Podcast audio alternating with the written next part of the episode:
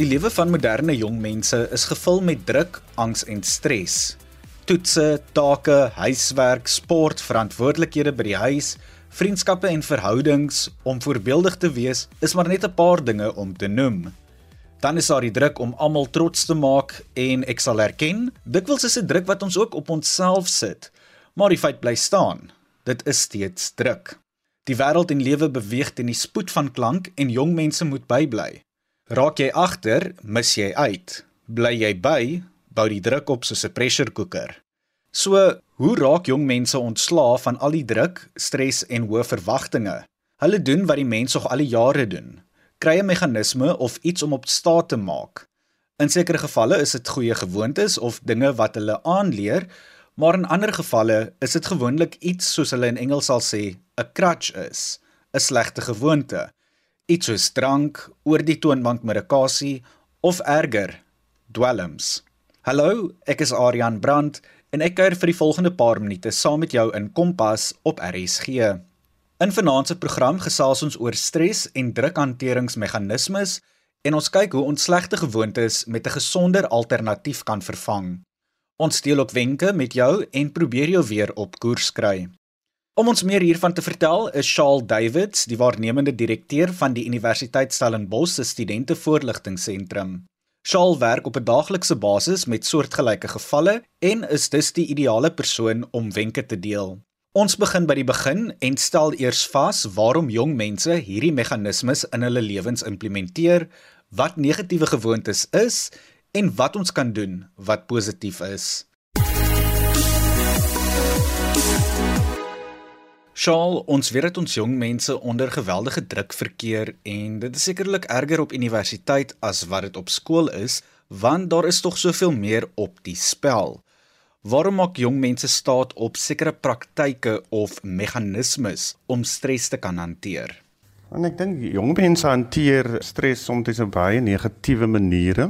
En dit kom natuurlik van verskillende praktyke af want gedeeltelik is dit dat jong mense leer nie noodwendig die die nodige coping uh, mechanisms om met stres te hanteer. En ek dink as ons praat van waarvandaan of daai Hoe leer ons vir jong mense daai daai coping skills en is is gewoonlik maar deur goeie support systems, deur vriende kringe, um ons peers, ons ons ouers en en hoe ons dit in in gemeenskappe probeer kry sodat jong mense, maar dit beteken hulle moet dan by mekaar uitkom. Wat ons vandag sien is dat jong mense so besig op sosiale media en en daar word nie daai verhoudings regtig gebou nie, so so daai emotional maturity amper um word dan nie uh, develop nie. En dit is waar ons soms daai daai probleem kry. En en as jy dit gepaard gaande met um, as kinders deur traumatiese ervarings gaan wanneer hulle in gemeenskappe groot word. En as ons net kyk in baie gemeenskappe in Suid-Afrika op die oomblik, is daar so baie geweld of dit nou binne die huis of buitekant die huis is, binne die in die gemeenskap in sigself. Dan sien ons dat hoe ons kinders eintlik maar deur geweldige uh, um trauma en stres gaan. En dan verwag ons dat hulle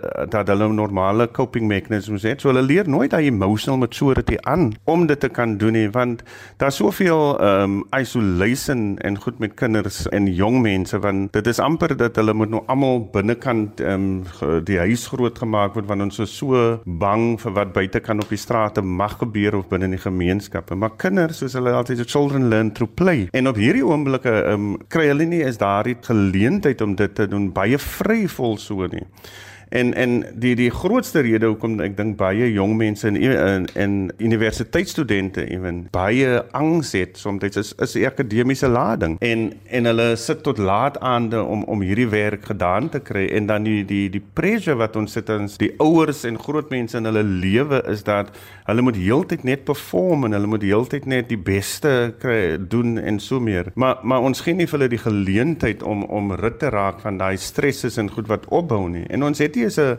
in in in baie van ons families het ons wat ek noem 'n feeling language wat ons eintlik incheck met ons kinders om te hoor of alles oukei okay, en sê ons verwag net dat hulle heeltemal oukei okay moet wees. Nou, sommige van hierdie meganismes om stres te hanteer of dinge waarop jong mense staat maak en so voort, sluit in die gebruik en dikwels die misbruik van sekere middels, alkohol, opkikkers en so voort. Op 'n jong ouderdom voel mens nie altyd die effek daarvan nie, soms eers later in ons lewens. Kan ons 'n bietjie gesels oor die negatiewe impak wat hierdie meganismes op ons lewens en ook gesondheid het? Ja, wat mense nou sien is dat jong mense dan gebruik natuurlik uh, dikwels die, die gebruik van uh, you know alkohol, um, wat mense maar noem uh, um, over the counter drugs. Hulle gebruik verskillende goed om om dan met hierdie goedes te kan cope. En in die begin lyk dit en hulle gaan vir jou baie keer sê en ek sien uh, baie keer met jong mense op hoërskool en en en insluitend universiteitsstudente wat vir my gewoonlik sê as hulle byvoorbeeld alkohol of dagga gebruik, dat weet jy dit dit vat daai daai daai pressure weg en ek voel en ek voel beter en ek voel ek kan cope. Dit sit vir my in 'n beter gemoedstoestand en so meer.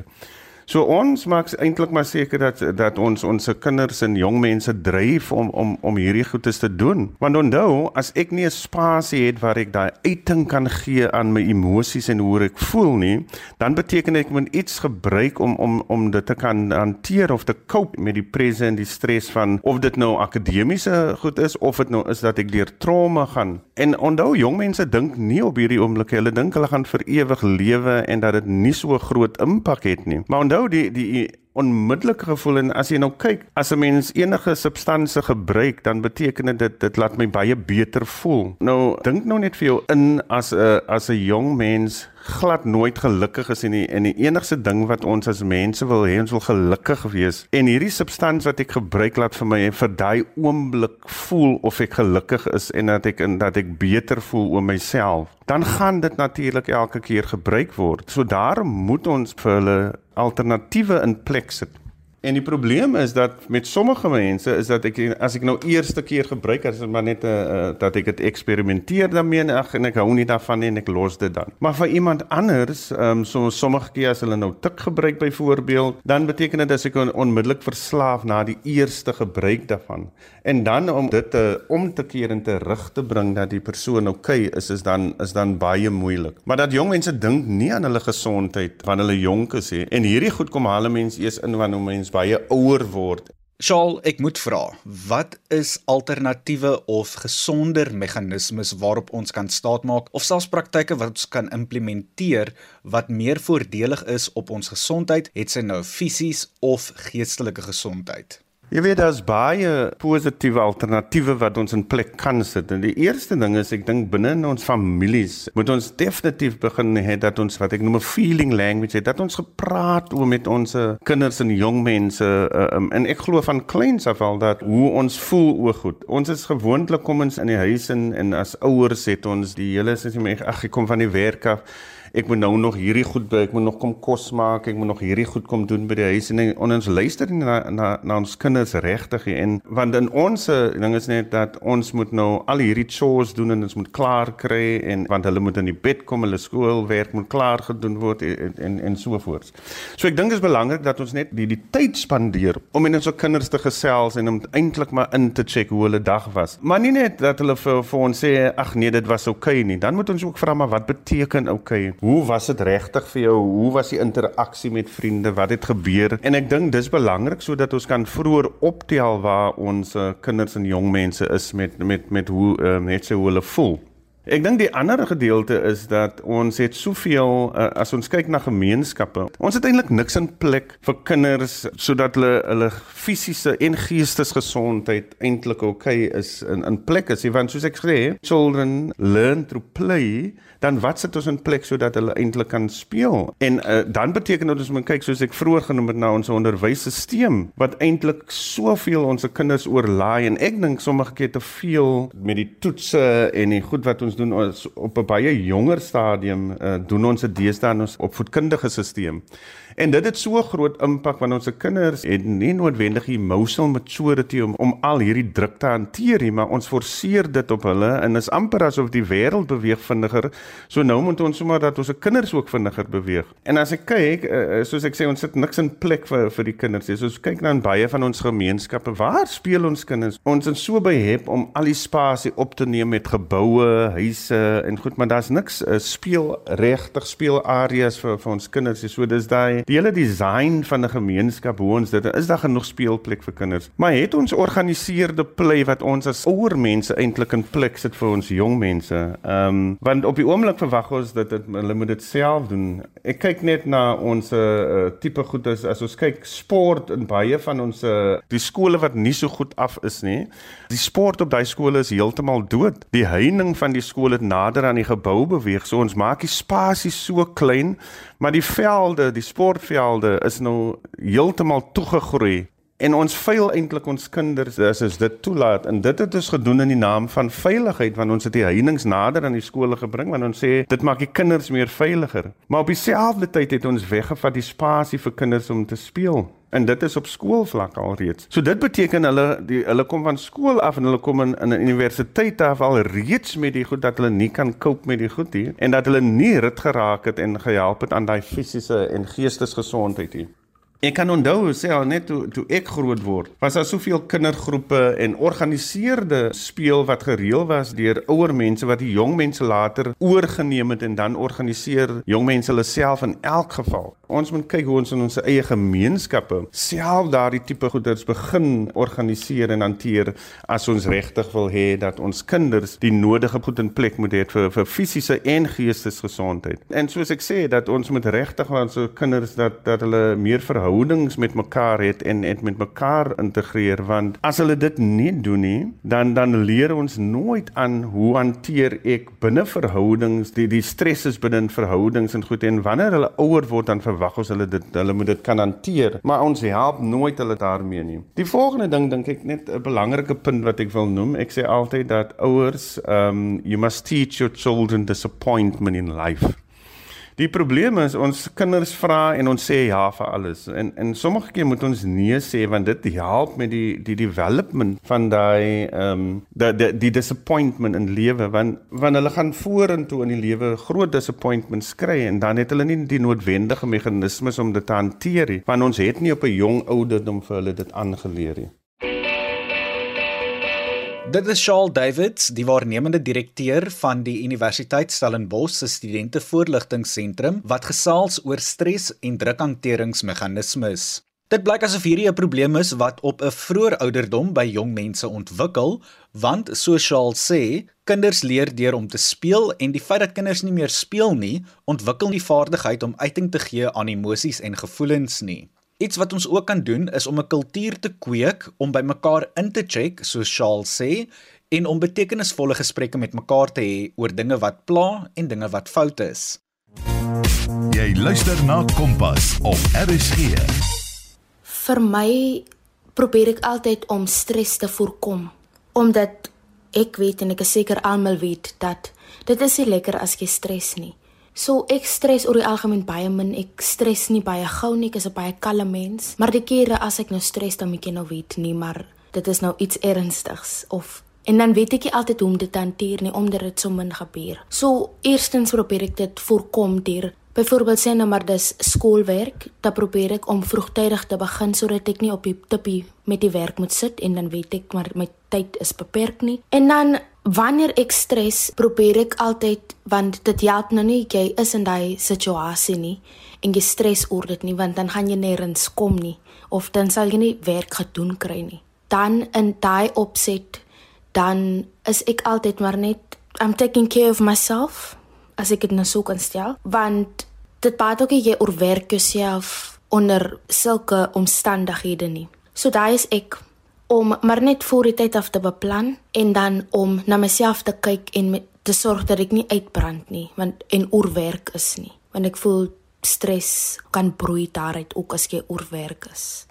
So wat my help wanneer ek baie stres is om georganiseerd te bly. Ek het besef dat wanneer ek my dag uitbeplan en weet wat die dag van my verwag, sal ek bietjie minder stres ervaar vir die dag omdat ek op datum is met alles of net ten minste weet wat die dag van my verwag. Wanneer my stres wel veroorsaak word deur iets wat ek nie kan beplan nie, sal ek altyd probeer om 'n bietjie weg te breek deur te gaan stap of om net stil te word en net vir 'n oomblik te vergeet wat my stresvol laat voel En tydens daai tye sal ek ook asemhalingsoefeninge doen waar ek net diep asemhaal vir vier tellings, dit dan inhou vir vier tellings en dan weer uit te asem vir vier tellings. Dit help om my stres te verminder, ook my angstigheid, as ook my hart wat baie vinnig klop tydens daai tye wat ek baie angstig of stresvol is en ja, dit help my net kalm voel en net myself weer vind. So wat ek doen om van my stres ontslae te raak, is ek sal vir 'n stappie in die natuur gaan, net om 'n bietjie af te skakel en om 'n bietjie asem te haal. Ek sal ook net kommunikeer oor al die stres wat ek voel en alle emosies wat by dit kom met mense om my en spesifiek mense wat ek weet omgee want dit laat my net voel dat ek nie alleen is in die bootjie wat ek roei nie. Ek sal ook elke Woensdag my geskeduleerde middagslaapie neem.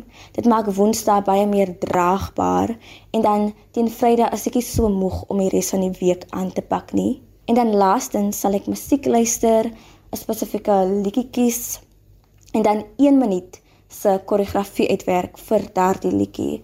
Dit is nou my kama kama oefening en dit is ook 'n manier om af te skakel en ook my kreatiewe denke te bevorder. Dit is 'n klompie universiteitsstudente wat hul stres en drukhanteringsmeganismes met ons gedeel het. Charlotte het al 'n paar wenke met ons gedeel en ons gaan nou gesels oor ander dinge wat aanleiding gee tot druk en stres en dan ook daartoe lei dat jong mense begin eksperimenteer met verkeerde dinge wat soms tot tragedie kan lei. Nou, ons almal is bekend met die redes vir al hierdie druk wat jong mense ervaar, 'n gebrek aan beplanning, uitstel en so voort. Wat is sommige van die basiese dinge wat jong mense verkeerd doen wat hulle dan na ongesonde gewoontes dryf? Ek dink jy noem dit reg daar dit is natuurlik gebrek aan beplanning wat jong mense het. Hulle hulle stel goed uit tot op die laaste nippertjie om om dit te doen. En ons besef jy altyd hoe en dan sê hulle vir jou o nee ek ek perform beter aan depressie maar eintlik besef hulle nie dat hulle hulle stresvlakke so opbou. En onthou dat hierdie stres wat ons opbou gewoonlik is as as ons kry dat ons by universiteitsvlak jou studente sien ons moet hulle diagnoseer met 'n uh, eh, um, depression of anxiety dan besef mense stres wat eintlik opgebou het oor 'n tydperk, oor jare of maande. Ehm um, en dan kan hulle self sê waarvandaan of dit kom nie, maar deel van dit is as ek die hele tyd goed uitstel, doen dit op die laaste nippertjie, dan die my stresvlakke raak so goed en so bou dit op en dit lei na groter probleme later. En dis hoekom as 'n mens nou al sien, dan sien jy 1 uit 6 jong mense ondervind stres en angs op sekere tydperk van hulle lewe en dit lei natuurlik sodra die angstigheid en dit lei later na depressie en ek dink dis hoekom ons ook so baie meer mense sien wat ons deesdae diagnose in hulle 20er jare met met depressie en en angsversteurings. En soos ek sê deel van daai goed is maar nou soos ek dit vroeër genoem het die skoolwerk en universiteitswerk, akademiese werk is maar die mees ooglopendste een wat baie baie stres veroorsaak vir ons jong mense en ek dink regtig ons moet dit op 'n ander manier hanteer. Hoe doen ons toetse of dit op skool of op uh, eh, um, universiteit uh, tye is. As jy kyk na die matriek leerdlinge dan gaan hulle altyd vir hulle begin sê van die begin van die jaar, o, oh, dis jou mees belangrikste jaar in jou lewe en jy moet al hierdie tipe gedoen. So so ons bou daai stres so op in jong mense die angs vir wat hulle gaan verwag van daai jaar voor hulle die jaar begin. Eh, sit ons al daai presse op hulle waar ons net kon gesê ja, elke jaar van jou skoolloopbaan is is is belangrik en dat al ah, jy jy daardeur sal kom maar, maar ons bou dit so op vir hulle in en dit is hoekom ons sien dat daar so baie stresgevalle en angs en en depressie gevalle in matriekjaar gewoonlik gebeur. Die ander ding is natuurlik wat ons om peer pressure En onthou as vir jong mense, uh, adolessente en so meer, die mees belangrike mense in hulle lewe op daai tyd is pees en nie eers hulle ouers nie. Ons moet dit verstaan dat dis normale ontwikkeling vir jong mense dat hulle pees baie belangrik word, want dit is deel van daai maar as hulle nie aanvaar word binne daai social circle deur hulle vriende nie, dan increase dit natuurlik die stresvlakke.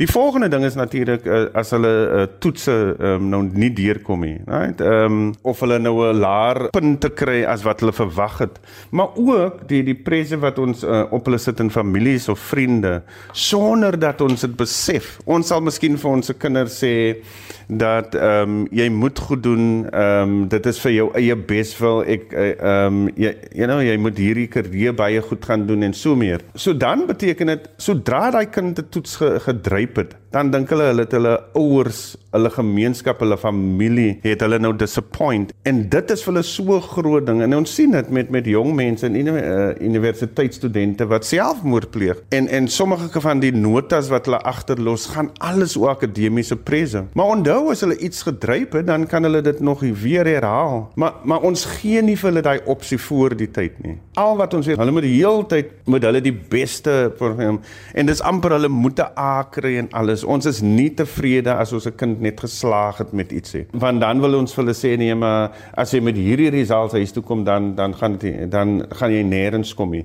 Die ander gedeelte van dit is as die kind daardie A kry, dan maak ons so groot 'n uh, groot ophef van dit maar net vir daai dag. Net wanneer hulle goed doen of wanneer hulle slaag, net vir daai dag of miskien 'n paar dae nog na die tyd. Maar laat daai kind iets dryf dan hoor hulle vir die volgende jaar oor hierdie ding en hoe hoe, hoe dit nou die groot impak wat dit het en hoe uh, hoe sleg hulle eintlik maar is en so meer. En dis die probleem dat ons maak eintlik seker dat ons se kinders en en in in society at large dat ons soveel energie spandeer aan die negatiewe goed en nie aan die positiewe goed nie. Dat ons eintlik vir ons kinders moet sê vir die klein ding wat hulle reg kry, moet ons eintlik dit so bly wees daaroor en vir hulle sê dat ons ons is baie proud van hulle. Want want hulle hoor dit nie. En as hulle by ons hoor by wie gaan hulle dit hoor? En ek hoop dat onderwysers en lektors en op universiteit sê vir ons studente en ons jong mense op skool dat ons is proud van hulle in in terme van wat hulle achieve. En dit moet ons ook in ons families doen en ons moet ophou net fokus op die negatiewe van ons van ons jong mense of kinders goed nie goed doen nie Ek kyk hoe ons jong mense geforseer word om om hoeveel volumes en volumes van boeke te lees en goed nou lees is nie noodwendige 'n uh, bad uh, ietsie. Ek dink almal moet uh, ons moet almal uh, um, aanmoedig om te lees. Maar die hoeveelheid wat hulle moet deurgaan en en dan deel van dit is dan slaap hulle nie genoeg nie.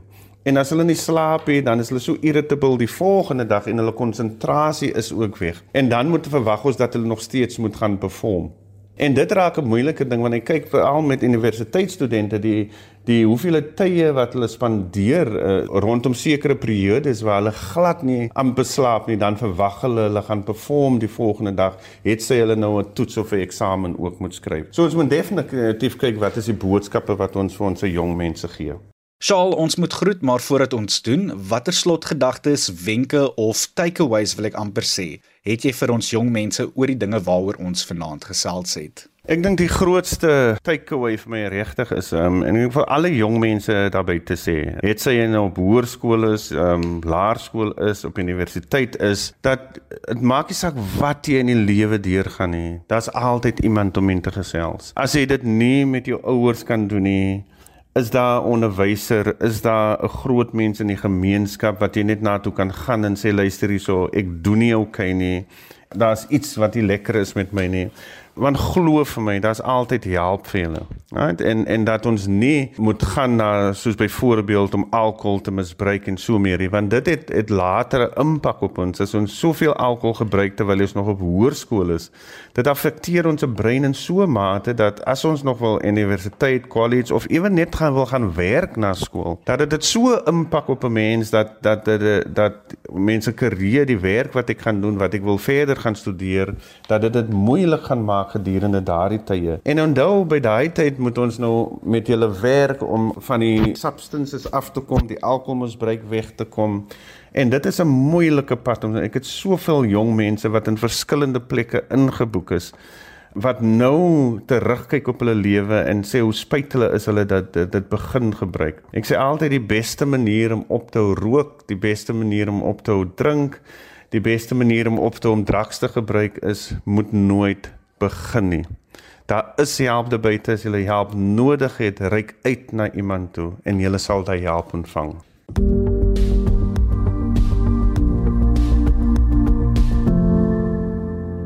Deran Shaal Davids, die waarnemende direkteur van die Universiteit Stellenbosch se studente voorligtingseentrum en ook my gas vir vanaand. Soos Shaal gesê het, as jy deur moeilike tye gaan en dinge begin spiraal, gaan gesels met iemand. Daar is verskeie organisasies wat jy kan kontak, onder andere die Suid-Afrikaanse Depressie en Angsgroep, oftewel SADAG. Hulle dienste is gratis beskikbaar en jy kan 'n sessie oor die telefoon ook kry. Van my kant, mooi loop.